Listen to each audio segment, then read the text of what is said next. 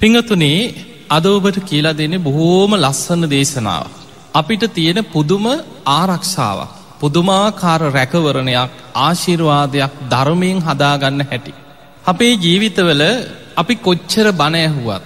කොයි තරම් පින්කංකරත් දන්දුන්නත්. මොන තරම් ගුණහපත් ජීවිත ගත කරගෙන ජීවත්වවෙන්න උත්සාහ කරත් කරදර නැද්ද මිනිස්සුන්ට. කරදර තියෙනවා. එතකොට අපි කියනවා ඇයි මේ පින් කරන අපිටම මේ කරදර. මොකක්දෑ අපි මේ කරපු කරුමේ. මෙච්චර හොඳට ඉඳල ඇයි මේ අපිට හෙනගෙඩි පාත්වෙනවගේ මේ කරදරෙන්නේ. කියනවද නැද්ද.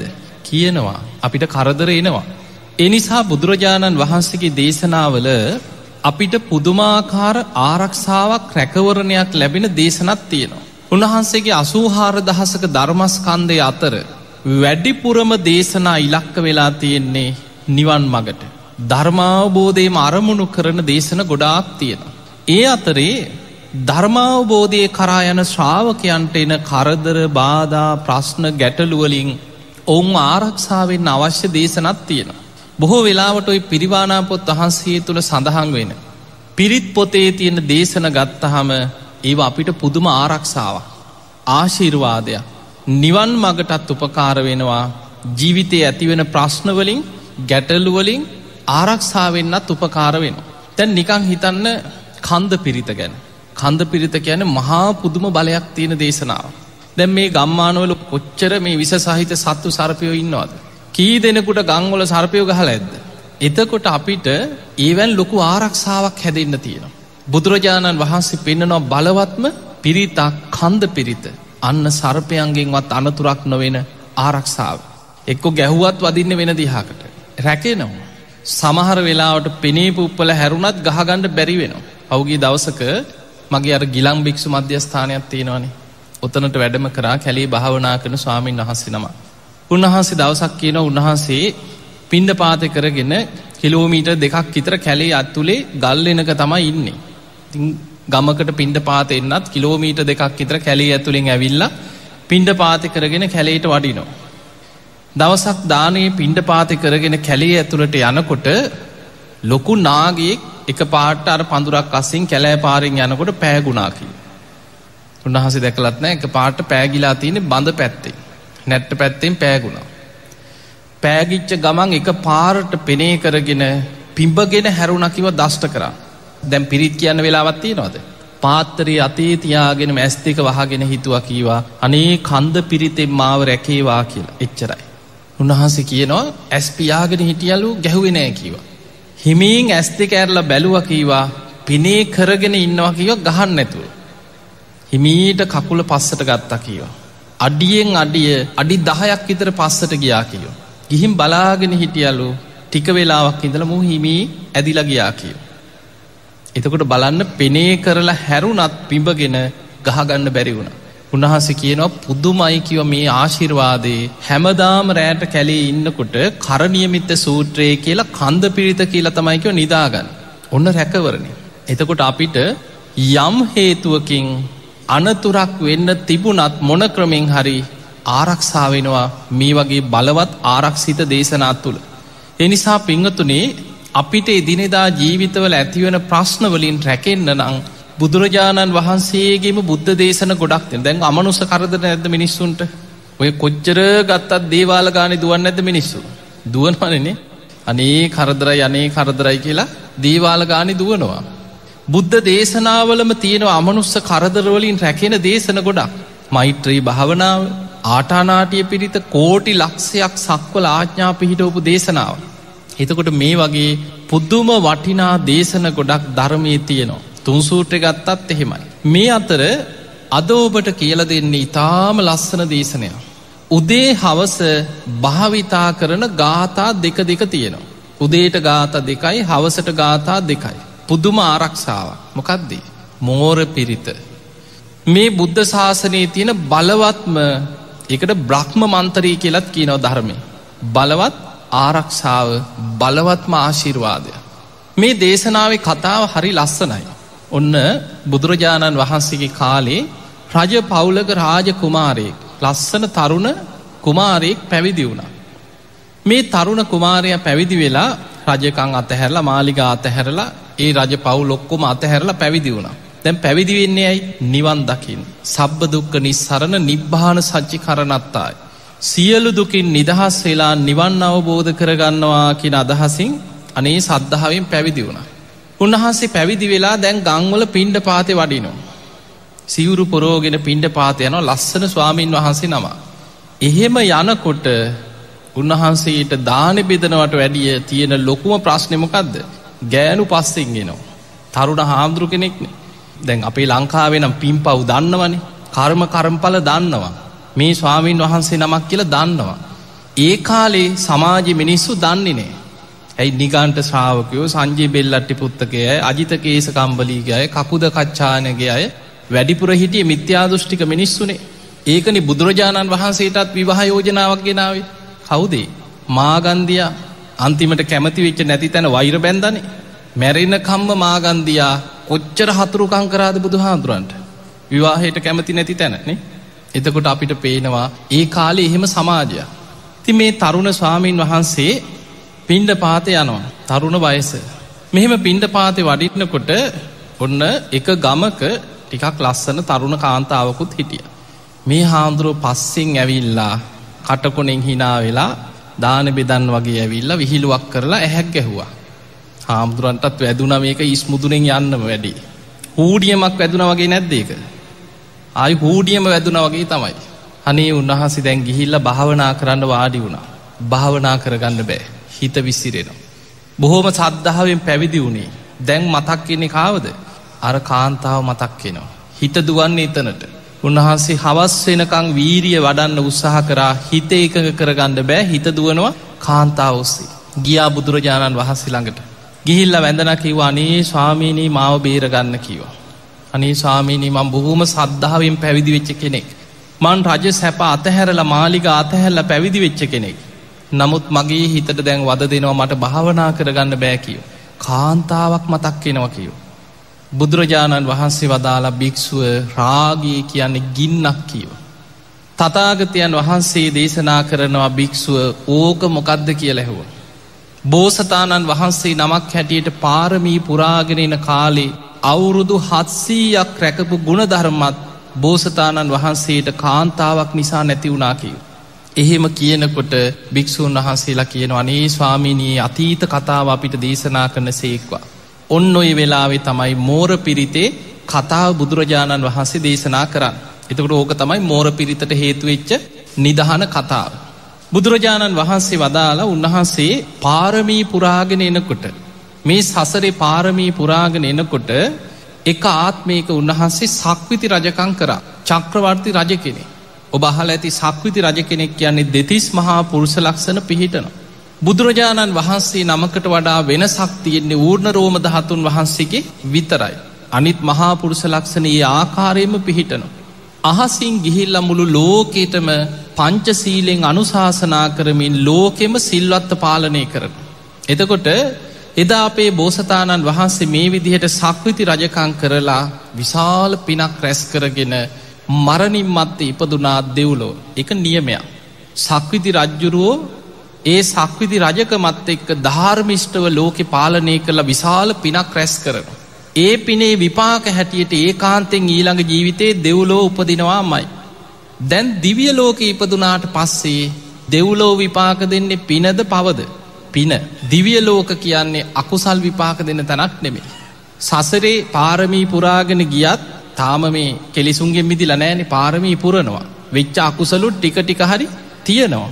දැන් දිවිය ලෝකෙ පහළ වුණා දෙව්ලොවින් දෙව්ලොවට කල්ප ගණන් අර දිවිය සැප විඳ විඳ පිනේ විපාක ගෙවනවා. ඔහොම පිනේ විපාක ගෙවාගෙන ගෙවාගෙන යනකොට උන්වහන්සේගේ පින ගෙවිලා ඉවර වෙනකොට පෙර සසරි අකුසලයක් දෙව්ලෝදි බලවත් වුණ. දෙව්ලොවින් චුත වෙලා වැටුණා තිරිසං අපායට. අපේ බෝසතාණන් වහන්සේ. එදා මොනර යෝනිය ඉපදුනා.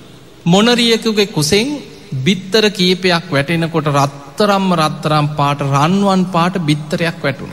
අනෙක් බිත්තර වගෙනවේ රත්තරම් පාටයි. මේ බිත්තර කටු කඩාගෙන පැටව් එලියට එනකොට මේ මොනර පැටිය රත්තරම් පාට ශරීරයක් තියෙන රන්වන් මොනරේ. අර මොනර පැටව් එක්කම රංචුවත් එක්කම කැලේ හැදී වැඩුණ. ටික කාලයක් යනකොට ටිකෙන් ටික විශාල වෙලා අනික් මොනරුන්ට වඩා විශාල ශරීරයක් ලැබුණ. බෝසත් මොනරගේ ශරීරයේ කරත්ත රෝධයක් තරන් රිය සකක් තරං විශාලයිකි. විශාල රන්වන් පාට මොනර ශරීරයක් තියෙන්නේ බොහොම ලස්සනයි. දැන් කොච්චර ලස්සන වනත් තමන් තමන්ට තමන්ව පේනවද. දැන් ඔබ ඔබදිහා බලාගන්න කොහොමද කන්නාඩියක් ළඟට ගිහිල්ලන. එතකොට දවසක් මේ බෝසත් මොනරා පියාමගෙන පියාමගෙන ගිහිල ඈත තිබ්බ විලකින් වතුර බොන්න විලට එබුණා. වතුර හොඳට පැහැදිලි වෙච්ච දවසක විලට එබෙනකොටම අර විලෙන් කැඩපතෙන් දකිනා වගේ තමන්ගේ ශරීරය දැක්කා. එදා දැකපු දවසම බයක් ඇතිවුණා රත්තරම් පාට ශරීරයක්. අනික් මොනරු වගේ නෙමෙයි. තමන්ගේ ශරීරි රන්වන් පාටයි. බැරි වෙලාවත් මගේ ශරීරයේ මේ ලස්සන මනුස්සේගේ ඇස ගැටුනොත් මට අනතුරක් වෙන්න පුළුවන්. සත්තුන්ගෙන් හරි මට අනතුරු වෙන්න පුළුවන්. එදාම තීරණය කරා රැලිං වෙන් වෙලා තනිව වාසය කරන්න. පියාඹගෙන පියාඹගෙන ගිය. කන්දෙන් කන්දට පියාඹගෙන පියාඹගෙන ගිහිල්ලා හිමාල කඳු මුදුනේ උස්ම තැනකට නැගගත්තා. බොහෝ දුරක් ගිහිල්ල සති ගනම් පියාඹගෙන ගිහිල්ල කැලෙන් කැලේට හිමාල කඳු මුදුනි දැන් උසම තැනක තමයි මේ බෝසත් මොනර වාසය කරන්න. පිංහතුනී බෝධි සත්වයන් වහන්සේලාගේ මේ පාරමී ශක්තියත් එක්ක උන්වහන්සේලාගේ හැකියාවල් ගැන අපිට හිතාගන්නවත් බෑ. තිරිසං ආත්ම ඉපදුනත් අර පෙර පාරමී ශක්තියෙන් අනික් සත්වයන්ට වඩා මහා පුදුම හැකියාවක් පිහිට.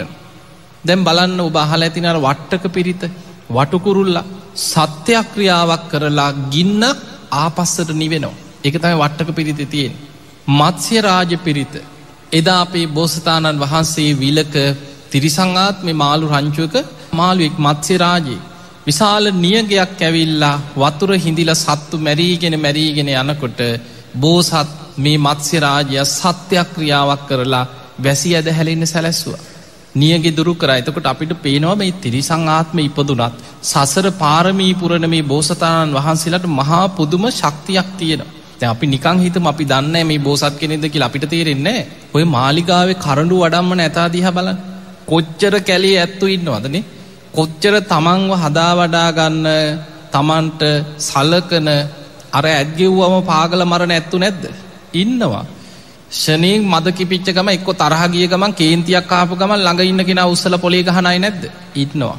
හැබැයි ඔය මාලිගාව කරඩුව ගෙනිය ඇත්තු දිහ බලන් ඔයි රාජා ඇතාගේ ඉතිහාස හොයල බලන් කරඩුව හිස මත තිබ්බට පස්සේ කකුල උත්සගෙන ඉන්න බිමතියන්න පාවඩී තියෙනක.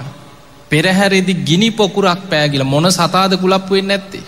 ගිනි පොකුරක් පෑගිලා කකුල පිච්චෙනවා ඒත් සද්ද නැතුව ඉන්නවා පිච්චෙනකං කරඩුවත්තියාගේ. එතකොට බලන්න මේ නිකං ඔච්චර පුුණ්්‍යවන්ත සත්තුද කියලනේ ඒ වගේ අපිට හිතාගන්න බෑ මේ බෝධි සත්වරුන්ගේ සසර පාරමී ශක්තිය. මේ බෝසත් මොනරා උදේ පාන්දරම හිමාලිට ගිය බෝසත් මොනරා රන්වන් මොනරත් තනියෙන් ඉන්නේ. උදේ පාන්දර කන්දක් උඩට නගිනවා. ඉර පායනකොට ඉරදිහා බලාගෙන ගාථාවක් කියනවා. උදේචයන් චක්කුමාඒක රාජා හරිස්ස වන්නෝ පටවිප්ප භාසෝ තන්තන් නමස්හාමි හරිස්ස වන්නං පටවිප්ප භාසං තයජ්ජ ගුත්තා විහරේමු දිවසං. එක තේරුම තමයි උදේචයන් චක්කුමාඒක රාජා. උදෑසනින්ම ලෝකයාටම ඇස් පහල කරලා දෙන මේ ලොව එකම රජු ලෙස සලකන සූරයා පහළ වෙන. උදෑසනි.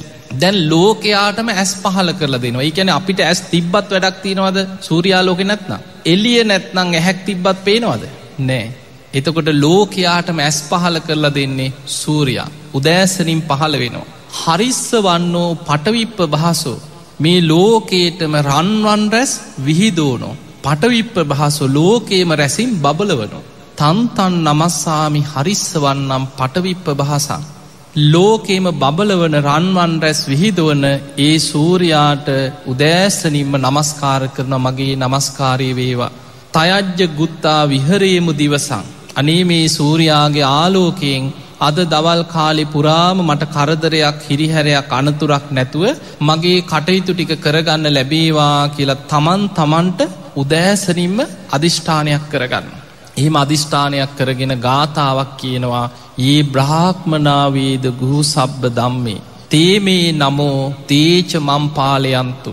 නමත්තු බුද්ධානං නමත්තු බෝධයා නමෝ විමුක්තානන් නමෝ විමුක්තියා කිය. මේ ගාථාව පුද්දුම බල සම්පන්න ගාථාව. මේ ගාථාව අර්ථය ගත්තොත් සියලු බුදුවරු සියලු බුද්ධ ඥාන විශ්ෂයේ පහළ වෙච්ච බුදු පසේ බුදු සියලු මහරහතන් වහන්සේලා. ඒ නිවන් මගටම කරන බලවත් සත්‍යක්‍රියා බලවත් ගාථා. මේක තේරුම තමයි ඒ බ්‍රහාක්මනාවේද ගුහු සබ්බ දම්මේ. මේ විශ්වයේ තියෙන සියලු ධර්මයන් අවබෝධ කරගත් බුදුරජාණන් වහන්සේලා ලෝකෙ වැඩ සිටියාද තේමේ නමෝ ඒ බුදුවරුන්ට මගේ නමස්කාරය වේවා. තේචමම්පාලයන්තු ඒ බුදුරජාණන් වහන්සේලා අනේ මාව අද දවස පුරාම ආරක්ෂා කරත්වා කියලා තමන් තමන්ට ආරක්ෂාවක් අධිෂ්ඨාන කරගන්න බුද්ධ බලය. නමත්තු බුද්ධානං විශ්වයේ පහළවෙච්ච සියලු බුදුවරුන්ට මගේ නමස්කාරයම වේවා. නමත්තු බෝධයා ඒ බුදුරජාණන් වහන්සේලාගේ සියලු බුද්ධ ඥානයන්ට මගේ නමස්කාරය වේවා. නමෝ විමුක්තානං නමෝ විමුක්තියා. ඕ විමුක්තානං යැන විමුක්තියට පත්වෙච්ච බුදු පසේ බුදු මහරහත් යම්තාක් උතුමන් ලෝක විමුක්තියට පත්වනාද ඒ සියලු දෙනාට මගේ නමස්කාරය වේවා. නමෝ විමුක්තියා විමුක්ති මාර්ගයට නිවන් මගට මගේ නමස්කාරය වේවා කියලා සිහි කරන උදේට. ඔන්න තියෙන උදෑසන ඇතිකරගන්න බලවත්ම ආරක්ෂාව. ඔය ගාථාව දෙක කියලා බෝසත් මොනරා ගොදුරු හොයාගෙන පිටත් වෙලා යන. කවම දාවත් අත්තක්කත් ඇඟට වැටිල නෑ කියන. කොලයක්කත් ඇඟට වැටෙන්නෑ කියන. යන ගමනෙ කිසිම අනතුරක් වෙන්නෑ කියන මේ ගාථාවේ බලයෙන් ආරක්ෂාවෙන. ඔන්න උදේ පාන්දරෝය ගාථාව කියලා ගොදුරු හොයාගෙන ඇවිදගෙන යනවා. හවස් එනකොට ඉර බැහැගෙන යනකොට බෝසත් මොනරා පියාඹගෙන ඇවිල්ල ආයමත් අර කන්ද උඩට නගෙන. නැගල බහින ඉරදිහා බලාගෙන ගාථාවක් කියනවා අපේචයන් චක්කුමාඒක රාජ අපේචයන් කැන ඉර බැහැගෙන යනවා. අපේචයන් චක්කුමාඒක රාජා හරිස්ස වන්නෝ පටවිප්ප භාසෝ. තන්තන් නමස්සාමි හරිස්ස වන්නං පටවිප්ප භාසං. තයජ්ජ ගුත්තා විහරේමු රත්තිං රාත්‍රී කාලේ. එතන සිහි කරනවා ලෝකේටම ඇස් පහල කරලා දීපු සූරයා බැසගෙන යනවා. ලෝකේටම රන්වන් රැස් විහිදෝල ලෝකේම බබලෝපු සූරයාට මගේ නමස්කාරය වේවා තන්තන් නමස්සාමි හරිස්සවන්නම් පටවිප්ප භාසං. තයජ්‍ය ගුත්තා විහරේමු රත්‍රී අනේ අද රාත්‍රී කාලි සූරයා බැහැගෙන ගියත් මේ අන්දකාරි රාත්‍රියයේ මට අනතුරක් නොවේවා කියලා තමන් තමන්ට ආරක්ෂාවක් අධිෂ්ඨාන කරගන්න. ඊළඟට සිහි කරනවා ඒ බ්‍රාහ්මනාවේද ගුහු සබ්බ දම්මේ. තේමේ නමෝ තේච මම්පාලයන්තු නමත්තු බුද්ධානං නමත්තු බෝධයා නමෝ විමුක්තානන් නමෝ විමුක්තියා කියල සිහි කරන. ඒ බ්‍රහ්මනා යම් බුදුවරේ මේ විශ්වයේ සියලු ධර්මයන් අවබෝධ කරගත් බුදුවරු වැඩ හිටියාද තීමේ නමෝ ඒ බුදුවරුන්ට මගේ නමස්කාරය වේවා. තේච මම්පාලයන්තු ඒ බුදුරජාණන් වහන්සේලා අද රාත්‍රී කාලෙ පුරාම ඒ බුද්ධ බලෙන් මා වාරක්ෂාවේවා කියලා රාත්‍රී තමන්ට ආරක්ෂාවක් අධිෂ්ඨාන කරනවා. එහෙම අධිෂ්ඨාන කරගෙන ඒ බුදුවරුන්ට වන්දනා කරනවා නමත්තු බුද්ධානං මේ විශ්වය පහළ වෙච්ච සියලු බුදුවරුන්ට මගේ නමස්කාරය වේවා. නමත්තු බෝධයා ඒ බුදුරජාණන් වහන්සේලාගේ සියලු බුද්ධ ඥානයන්ට මගේ නමස්කාරී වේවා. නමෝ විමුක්තානං විමුක්තියට පත්වෙච්ච බුදු පසේ බුදු මහරහතුන්ට මගේ නමස්කාරය වේවා. නමෝ විමුක්තියා ඒ විමුක්ති මාර්ගයට මගේ නමස්කාරි වේවා කියලා ඔය ගාථාව කියන. එතකොට මේ බෝසත් මොනර උදේ ඉර උදාවෙනකොට ගාථා දෙකක් කියලා තමන්ට ආරක්ෂාවක් කරගන්න. ඉර බැහැගෙන යනකොට රාත්‍රී කාලිට ගාථා දෙහිකින් තමන්ට තමන් ආරක්ෂාවක් අධිෂ්ඨාන කරගන්න. ඔය විදිහට තමයි කියනවා හිමාල කඳු මුදුනි හිටපු බෝසත් මොනර වාසය කරී. අවුරුද්දක් දෙකක් තුනක් නෙමේ අවුරුදු හත්සීයක් කිසිම අනතුරක් නැතුව බෝසත් මොනර වාසය කරන. ඒ කාලෙ මිනිස්සුන්ටත් දීර්ඝ ආවිශ තිබ කාලයක්. බෝසත් මොනරට මේ අවුරුදු හත්සීයම කිසිම සතික්ගෙන්වත් ගහක අත්තක් වැටුනත් පැත්තකට වැටිනවාකින ඇඟළඟට ඇවිල්ල ඇගේ වදින්නෑ කිය. කිසිම කොලයකින්වත් කිසිම කැලේ කිසිම හුළඟක්කාවත් මේ සතාට අනතුරක් වෙන්න ඇකි රැකෙනවා. බලන්න මේ ගාථාවි තියෙන බලය. ඔහොම යනකොට දැන් අවුරුදු හත්සීයක් විතර ගෙවීගෙන යනකොට බරණැස බ්‍රහ්ම දක්ත රජ්ජුරුවන්ගේ අගබිසව කේමා කියන එදා හිටපු බිසවකට හීනයක් දැක්කා රත්තරම්ම රත්තරම් පාට රන්වන් මොනරෙක්ගෙන් බණහනව හීනෙන් දැක්ක. දැන් දේවිය කල්පනා කරා මට මොනරෙක්ගෙන් බණහන් ඕන රත්තරම් පාට. ඔය හීනෙ දැන් නිතර පේනවා. කල්පනා කරා ඕක රජ්ජුරුවන්ට ගිහිල්ල හීනයක් දැක්ක කිවෝ රජ්ජුරුව ඕක ගණන්ගන්නේ. ඕමහරි රජ්ජුරුවන්වා රවට්ටල හරි වැඩේ කරගන්න ඕන කියලා දේවිය ගිහිල්ල කිවනේ රජතුමනී මට දොළ දුකක් උපන්න කියෝ. උන්න බවලතුන්ගේ වැඩේ. දැන් රජ්ජුරු කල්පනා කර දොළ දුකක්ද දැම කොහොමහරි මේක ඉෂ්ට කරන්න වෙනවන මොකද දේවිය ඇහුවා. මට රත්තරම්ම රත්තරම් මොනරෙක්ගෙන් බණහන්න ඕනැකිව. රජ්ජුරුව බයවුණා කොහෙද රත්තරම් මොනරු ඉන්නේ. අමාත්‍ය මණ්ඩලී කැඳෙව්වා. කැඳෝල කිවා දේවයට දොළ දුකක් තියෙනවා රත්තරම් මොනරෙක්ගෙන් බණහන්න. අමාත්‍යරු කිව රජතුමනී කොහෙ දැහුව රත්තරම් මොනරු ඉන්නේ. රජ්ජුරුව මොකද කරේ මුළු දඹදියොම ඉන්න වැද්දො කැඳෙව්වා මාලිකාවට. වැද්දන්ගෙන් ඇහුවා රත්තරම් මොනරු දැකලා තියෙනවද. තෑගි බෝග දෙනවා කියව. ගම්වරයක් දෙනවා කියෝ. එතකොට වැද්දු කියා හිටිය රජතුමනි අපි ඉන්න කැලේ තමයි කිව. අපේ පරම්පරා ගනම් මහ කැලේ සත්තු එක්කමයිකිව ජීවත්තේ. දඩයන් කරගෙන අපි ජීවත් අපි කවදාව රත්තරම් මොනරු දැකල නෑකිව. හැබැයි ඔයාතර එක වැද්දෙක් කිව්ව රජතුමනී අපේ තාත්තගේ තාත සීයගේ කාලේ ඉඳම් මෙහෙම කතාවක් නං එනවා. විශ්වාසයක් තියෙනවා හිමාල කඳුමුදුනී රත්තරම් පාට මොනරෙක්කින්නවා කියලා කතාවක් තියෙනවා කිව. රජ්ජුරුව ඒ වෙලාම තෑගි බෝග දුන්න. තෑගි බෝග දීලා කීවා උඹ පලයන් කිව කොහෙන් හරි හොයාගෙන වරෙක්කි ඔය මොනරව තෑගි දෙනවා කියව. දැන් අර වැද්ද පිටත් කරලා ඇරිය. රජ්ජුරුවන්ගේ රාජාන දැන් ඇවිදගෙන ඇවිදගෙන ගිහිල්ල කැලෙන් කැලේට ගිහිල්ල නැග්ග හිමාලිට. රත්තරම් මොනරු හොය හොය වැද්ද ඇවිදිනවා. ඔහොම යනකොට දවසක් කන්දෙන් කන්දට පියාබගෙන යන රත්තරම් මොනර ඇහැ ගැටුණ. දැක්ක ගමන් මොනර පස්සෙන් ගිහිල්ලා ගැහුව මද්දක් ගහපු ගමන් මද්ද ගියා මොනරදිහාට ගිහිල්ලා වෙන පැත්තකට ගහකට වැදුන. වදින්නේ පුද්දුම හිතුනා කවදාවත් මගේ මද්ද වැරදිලා නෑ මන්තර වැඩ කරන්නෙත් නෑ මොනරට. ඊට පස්සේ හැංගිලා ඉඳලා කල්පනා කරා කොහොම හරි මුව මරල හරි ගෙනියන රජ්ජුරුව ළඟට. හිතලා ඊතලේ අරගෙන හරියටම මොනර ඉලක්ක කළ මොනරට විද්ද. කෙලියෙන් ගිය ඊතලේ මොනරල් ළඟට ගිහිල්ල හැරිලා වැදුන ගහකට. ඊතල වදින්නෙත් නෑ පුද්දුම හිතුන කවදාවත් මගේ ඉලක්කෙ වැරදිලා නෑ. උපන්දායිදම් පරම්පරාවෙන් සත්තු මරන්න ඉගෙන ගත්ත මන්තර මේ වැද්දට වැඩ කරන්නේ. කල්පනා කරා කොහොම හරිමුව අල්ලනවා කියලා මාස ගනම් මදු අටෝනුව හරියන්නේ. එතන ඇවිල්ල මොනර වහනව නමුත් මද්ද අදිනකොට වූ ගිහිල්ලා. එක්කො ගහකට වැටෙන එක්කු මද්ද ලිහිලෑනවා. විදිනකොට ඊතලේ ළඟට ගිහිල්ලා හැරිලා යන. එක ක්‍රමයකටවත් මොනරල්ලන්න බෑ. ඇයි අර ගාථාවි තියෙන බලය ආරක්ෂා මෝර පිරිති ආරක්ෂා පෙර බුදුවරුන්ගේ බුද්ධ ශක්තිය තුළ තමන්ට කරගන්න ආරක්ෂාවේ බලය අන්තිමට මේ වැද්දා වෙහෙසටම පත් වනා මාස ගානක් මොනර අල්ලන්න උත්සාහ කළ හොඳටම වෙහෙසට පත්වෙලා කල්පනා කරා මේක හරියන්නේ. මොකක් හරි මේක රහසක් තියෙනවා. මේ රහස හොයලා කොහේ හරි සිදුරක් තියෙන තැනකින් දෙන්න ඕන මොනරට වැඩී කියලා හිතුව. ඕක තමයි ඊළඟදේ හොඳට මතකතියාගන්න කාට හරි කවුරු හරි විනාස කරන්න ඕනැන. සිදුරු හොයනවා. කාලයක් ඉදල හරි සිදුරු හොයාගන්නවා. ඒ වගේ දැම්මොකද කරේ මේ වැද්ද කැලියට වෙලා මොනරගේ ජීවිතය ගැන හිමින් අධ්‍යයනය කරනවා. මොකක්ද මේ රහස. මොනර අල්ලන්න බැරි ඇයි. හැංගි හැංගි බලාගෙනන්න. අර කන්ද අයිනි හැංගිලා දවසක් බලාගෙන ඉන්නවා උදේ පාන්දර මොනර පියාමගේ නැවිල්ල කන්ද උඩට නැගලා ගාථාවක් කියනවා. ඉර උදාවෙනකොටම ඉරදිහා බලාගෙන කියන උදේචයන් චක්කුමාඒක රාජා හරිස්ස වන්නෝ පටවිප්ප භාසෝ.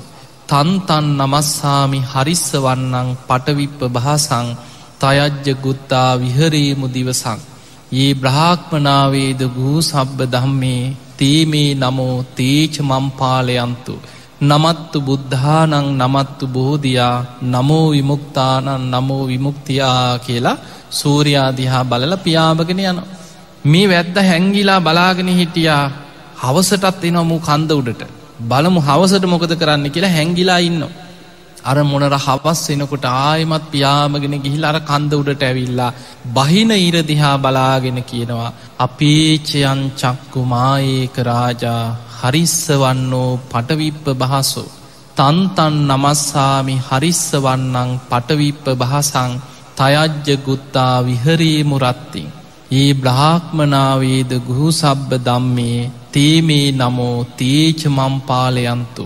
නමත්තු බුද්ධානං නමත්තු බෝධයා නමෝ විමුක්තානන් නමෝ විමුක්තියා කියලා ඔය ගාථාව කියලා පියාඹකලා රාත්‍රී ගහකට වෙලා ඉන්න.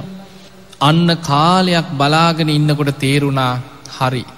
කරුණු දෙකක් අල්ල ගත්තා. බෝසත් මොනර රැකෙන කරුණු දෙකක් වැද්ද තේරුම් ගත්තා. එකක් තමයි මේ උදේට හවසට කියන ගාථාව.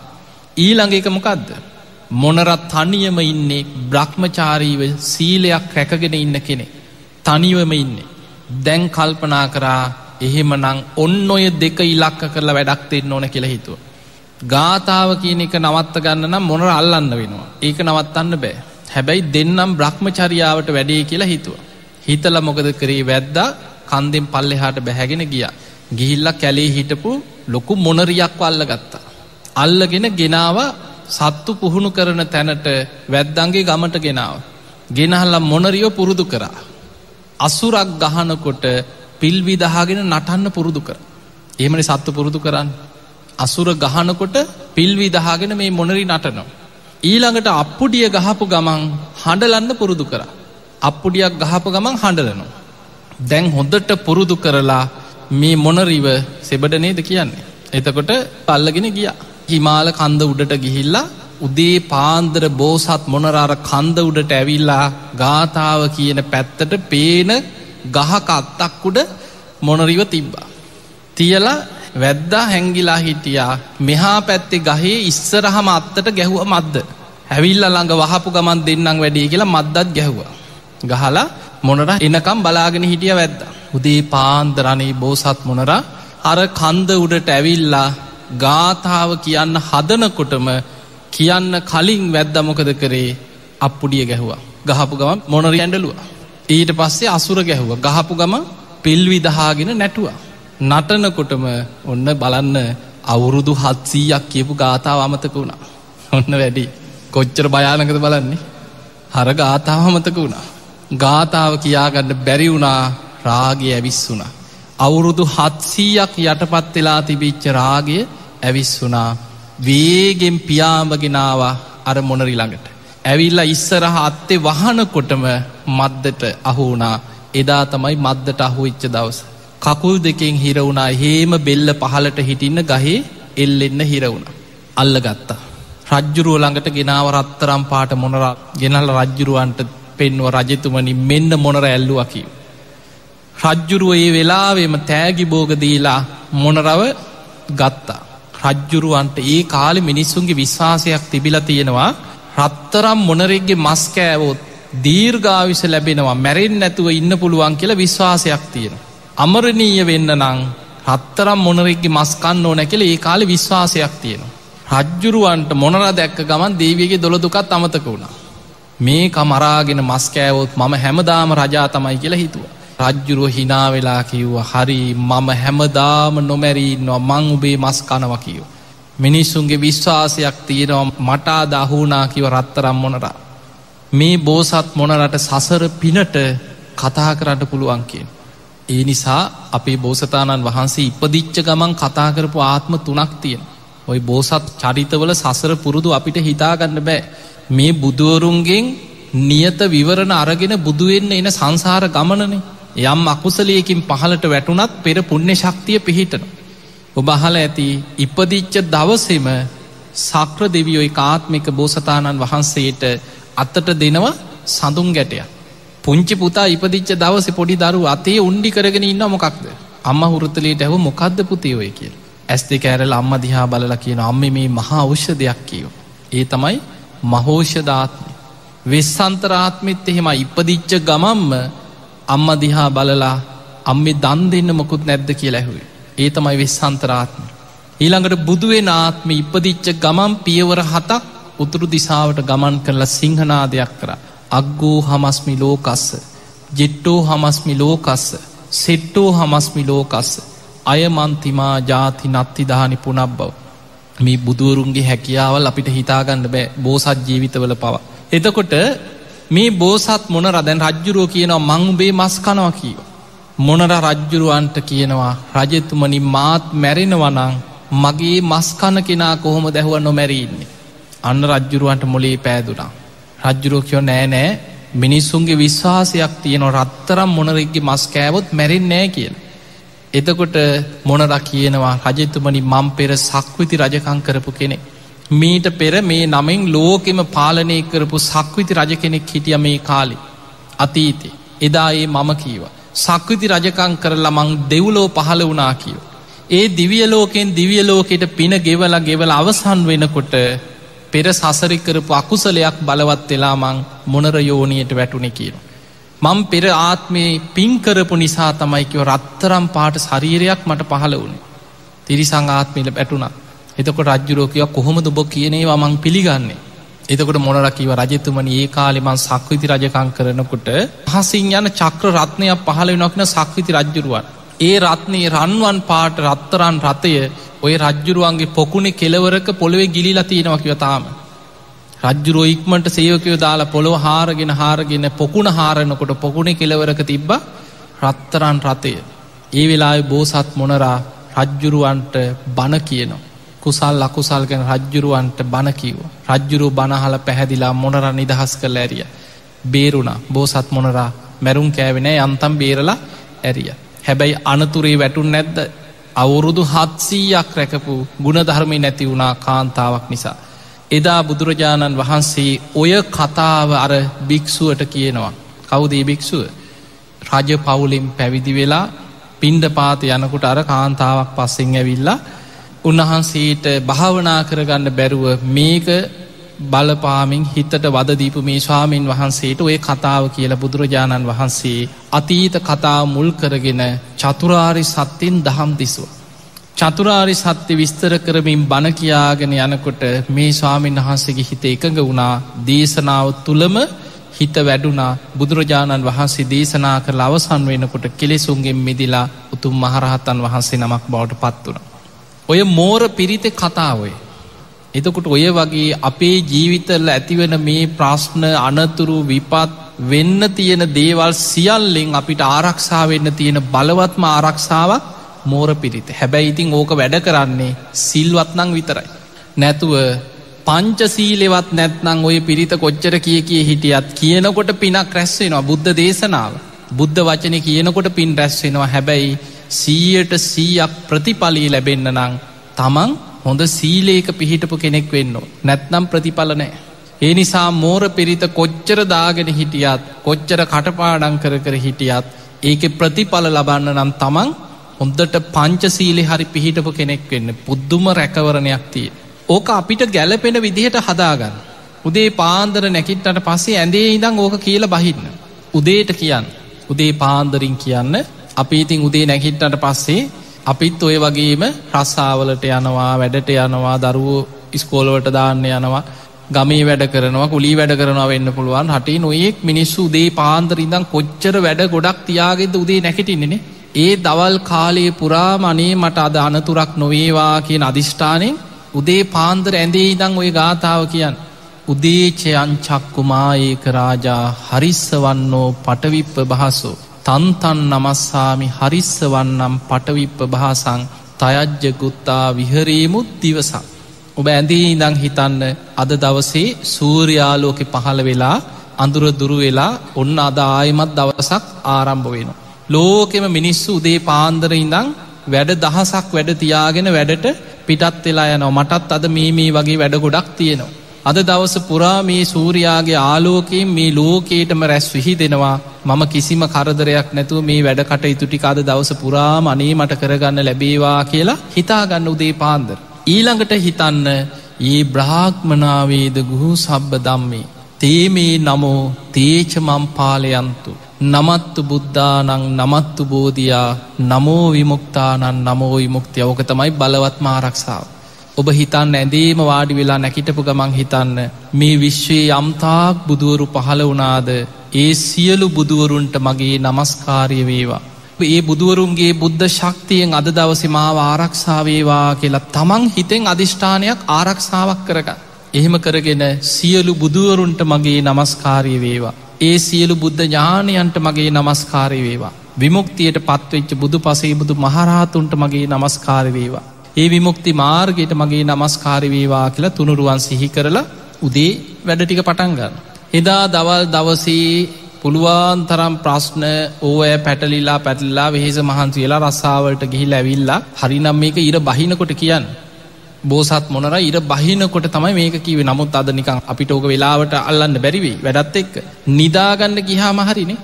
ඇඳේ වාඩි වෙලා නිදාගන්න ගිහාම හරි සිහි කරන්න අපේචයන් චක්කුමාඒක රාජා. ඉර බැහැගෙන ගිය. හරිස්ස වන්නෝ පටවිප්ප බහසු තන්තන් නමස්සාමි හරිස්ස වන්නම් පටවිප්ප බහසං තයජ්ජකුත්තා විහරේමු රත්තිං. ඉර බැහැගෙන ගිය අද දවල් කාලිම මේ සූරයාගේ ආලෝකින් මං ගොඩාක් වැඩ අද දවසේ කරගත්තා. දැන් ඊර බැහැගෙන ගිහිල්ලා අන්දකාරි මන් නිදාගන්න යන්නේ අනේ අද රාත්‍රී කාලි මට කරදරයක් නොඒවා කියලා හිතන්න. එහෙම හිතල රාත්‍රී තමන් තමන්ට ආරක්ෂාවක් කරගන්න. ඒ බ්‍රාහ්මනාවේද ගුහු සබ්බ දම්මේ තේමේ නමෝ තේචමම් පාලයන්තු. නමත්තු බුද්ධානන් නමත්තු බෝධයා නමෝ විමුක්තානන් නමෝ විමුක්තියා කියල රාත්‍රී නිදාගන්න කලින් ආරක්ෂාවක් කරගන්න. ඒ බුදුරජාණන් වහන්සේලාගේ බුද්ධ බලයෙන් අනේ අද රාත්‍රී කාලෙමාව ආරක්ෂාවේවා කියලා තමන් තමන්ට ආරක්ෂාවක් අධිෂ්ඨාන කරගන්න. ඔය ආරක්ෂාව උදේ හවස මේ ලොකු දෙයක් නෙමේනි ගාත දෙකයි නෙනේ උදේට ගාත දෙකයි හවසට ගාත දෙකයි. ඕක කටපාඩන් කරගන්න පුළුව පිරිත් පොතගන්න පිරිත් පොතේ තියෙනවා මෝර පිරිත්. ඕක කටපාඩන් කරගන්න. පුද්දුම ආරක්ෂාවක්. හැබැයි අපි ආරක්ෂාවල් හොයාගෙන දුවන්නෙම එක්කො දේවාලගානේ එල්ලගෙන තියෙන සුරටික එකතු කරානන් සංසාරය යකට බඩු කඩයක් දාගන්න තිබ්බා. එතකොට ඔය වගේ මුට්ටි එල්ලනවා හතරවටේ සුර එල්ලනවා පුළුවන් ඇඟ වටේම මුට්ටි එල්ලගෙනයයි දැම් බලන්න සමහරු තමන්ගේ ආරක්ෂාවට කියලා සුරේදාගන්න ජීවිත කාලිම මිනිහ මොකද කරන්නේ? සුරේ ආරක්ෂා කර කර ඉන්නවා. නැද්ද? වැලක් අස්සෙන් රිංගන්න සුරේ බලය නැතිවේ කන්න බෑමොනුවන් කිලි අහුයි මළගෙදරක යාගන්න බෑ හදිසියකටනේ නෑදෑයෙක් ඥාතියෙක් ළඟම නෑයෙක් මැරිලා ළඟ ගෙදරක. දැන් යන්න විදියක් නැයි සුරේ බලය නැතිවේ තමන්ගේ ආරක්ෂාවට සුරයක් එල්ලගෙන දැන් ජීවිත කාලෙම සුරේ ආරක්ෂා කර කර ඉන්නවා. ඒ නිසා තමන්ට ධර්මයෙන් ආරක්ෂාවක් හදාගන්න. ඔය මිත්‍යා දෘෂ්ටි පස්සෙ ගිහිල්ලා ලෝක අමාරුවල වැටෙන් එපා හරියට එනවා අපි ළඟට අන්ත අමාරු වැටිච්චයි බේරගන්නත් බෑයි. ඒ නිසා ධර්මී තියෙන ආරක්ෂාව මෝර පිරිත. ඊළඟට ඔය වගේ කොච්චර තියෙන දැන් කන්ද පිරිත ගැන කිව කෙටිය. දජක්ගේ බය තැති ගැනින් ඇති වුණොතයි වෙන කොහෙවත් දුවන්න දෙයක් නෑ බුදුරජාණන් වහන්සේ පෙන්වා බයංවා චම්බිතත්තංවා ලෝමහන්සෝවා. බයක් තැති ගැනීමක් ලොමු ඩැහැ ගැනීමක් ඇතිවෙච්ච ගමන් තුනුරුවන් හිතන් බුදුගුණ ටික හිතන් ධර්මී ගුණ හිතන් සඟගුණ හිතන් ඒ සැනින් පුදුම දෙයක් බිය තැති ගැනින් යටපත් වෙලා යන පුදුම ආරක්ෂාව. දැම් බල අමනුස කරදරුව හදිහූනියන් ඕන තරම් ගංගොල ඇතිනේ තියනිසා පින්වතුනේ ධර්මයෙන් ආරක්ෂාවක් හදාගන්න. ධර්මය තුළින් රැකෙන්න. තුන් සූට්‍ර ගැන බලන්න නිකන්නේ කොච්චර බලවද්ද කියල දේශනාටික මනුසලෝක විතරක් නෙමෙයි මේ ලෝක දහතුව විතරකුත් නෙමේ කෝටි ලක්ෂයක් සක්වල ආඥා පිහිටි දේශනා. කෝටි ලක්ෂයක් සක්වලකි බහමයි පොඩි දෙයක්ද? රතන සූත්‍ර දේශනාව කෝටි ලක්ෂයක් සක්වල ආඥා පිහිටෝනු ආටානාටියත් ඒ වගේ. ඒ නිසා බුදුරජාණන් වහන්සේ මේ රතන සූත්‍රයේ කියන්න පිරිත් කරලා පිරිත් පැන් එකක් අරගෙන පාත්තරයට පැන් පිරිත් කළ ආනන්ද හාන්දුරන්ට දෙනවා නගරයට එහින්න. නගරයට පිරිත් පැන් එහිනොකොට බුද්ධ අධිෂ්ඨානයෙන් මේ මැරෙන්න්න පනාදින රෝග දුර්භික්ෂ අමනුස්ස කියන තුම්බියෙන් මරණාසන්න වෙච්ච මිනිස්සු බුද්ධ අධිෂ්ඨානෙන් අර පිරිත් පැන් හුළගේ හමාගෙන ගිහිලා මිනිස්සුන්ගේ ඇගේ ගෑවෙනකොට දැවටෙනකොටම සැනින් සුවපත් ඇඟවල්ල හිටපු අමනුසියෝ සීසීකට දිව්ව කියන. අර පිරිත් පැන් එහිනකොට. ඒ දේශනාවල තියෙන්නේ ආය. එතකොට අපිට පේනවා පුදුම ආරක්ෂාව. ඔබහල ඇති අර ආයු වඩ්ඩන කුමාරයගැට. මැරෙන්න්න ඔන්න මෙන්න. දවස් හතෙන් මැරෙනවා කීව. බුදුරජාණන් වහන්සේ වදාළ බයිවෙන්න එපා දරුවතියාගෙන දින හතක් පිරිත් කියන්න කීව. මැරෙන්න්න හිටපු දරුවා දීර්ගාවිශ ලැබ අවුරුදු එකසිය විස්සක් ජීවත් වනා මාරකයේ පැන්නෙ මොකෙන්ද පිරිතෙක්. එදාම නම තිබ්බ ආයු වඩ්ඩන කුමාරය. අද අපි කියනවනි ගාථාවක් වදිනකොට අභිවාදන සීලිස්ස ඔය ගාථාව හල සුවාන් වුණ. එතකොට සෝවාන් වෙන්න පිනක් තිබ්බ අවුරුදු එකසිය විස්සක් ජීවත් වෙච්ච ආයු වඩ්ඩන කුමාරයට පුංචි කාලෙම පෙර අකුසලේකට මාරකයක් කැරකිලා මැරෙන්න්න තිබ්බ එක. හැබැයි බේරුණේ කොහොමද. බේරුණේ පිරිතෙන් ආය වෙන මොකුත් නෙමේ මේ බුද්ධ වචනය සත්‍යයෙන් ඒ නිසා අපි ඉන්න බුද්ධ කාලෙක බුදුරජාණන් වහන්සේගේ බුද්ධ ශක්තිය විශ්වයේ පවතින කාලෙක බුද්ධ බලය ලෝකෙ පවතින කාලෙක. ඒ නිසා පිංවතුනේ මේ ලැබිච්ච මනුස්ස ජීවිතය තුළ දවසගානි ඔන්න ආරක්ෂාව. ඔය ආරක්ෂාව උදේ හවස පටන් ගන්න දැන් අද ඉඳ උදේට ගාත දෙකයි හවසට ගාත දෙකයි. ඒ නිසා කාටවත් කරදරයක් නැතුව කිසි කෙනෙකුට අනතුරක් නැතුව තමන් තමන්ටම කරගන්න ආරක්ෂාවක් මේ. කවුරු ඉරිසි ආකාරය ඔබට කොඩිවින හෝනියන් කරත්. මොන විදිහට අනතුරු කරන්න වසවිස දෙන්න සැලසුම් කරත්. මගදි අනතුරක් වෙන්න තිබුණත් මොකින් හරි රැකින දැන් අර බෝසත් මොනට පේනවන්නේ ගහන මද්ද යන්න වෙන පැත්තකට. විදින ඊතලේ කැරකෙන්න වෙන පැත්තකට. ආරක්ෂාව.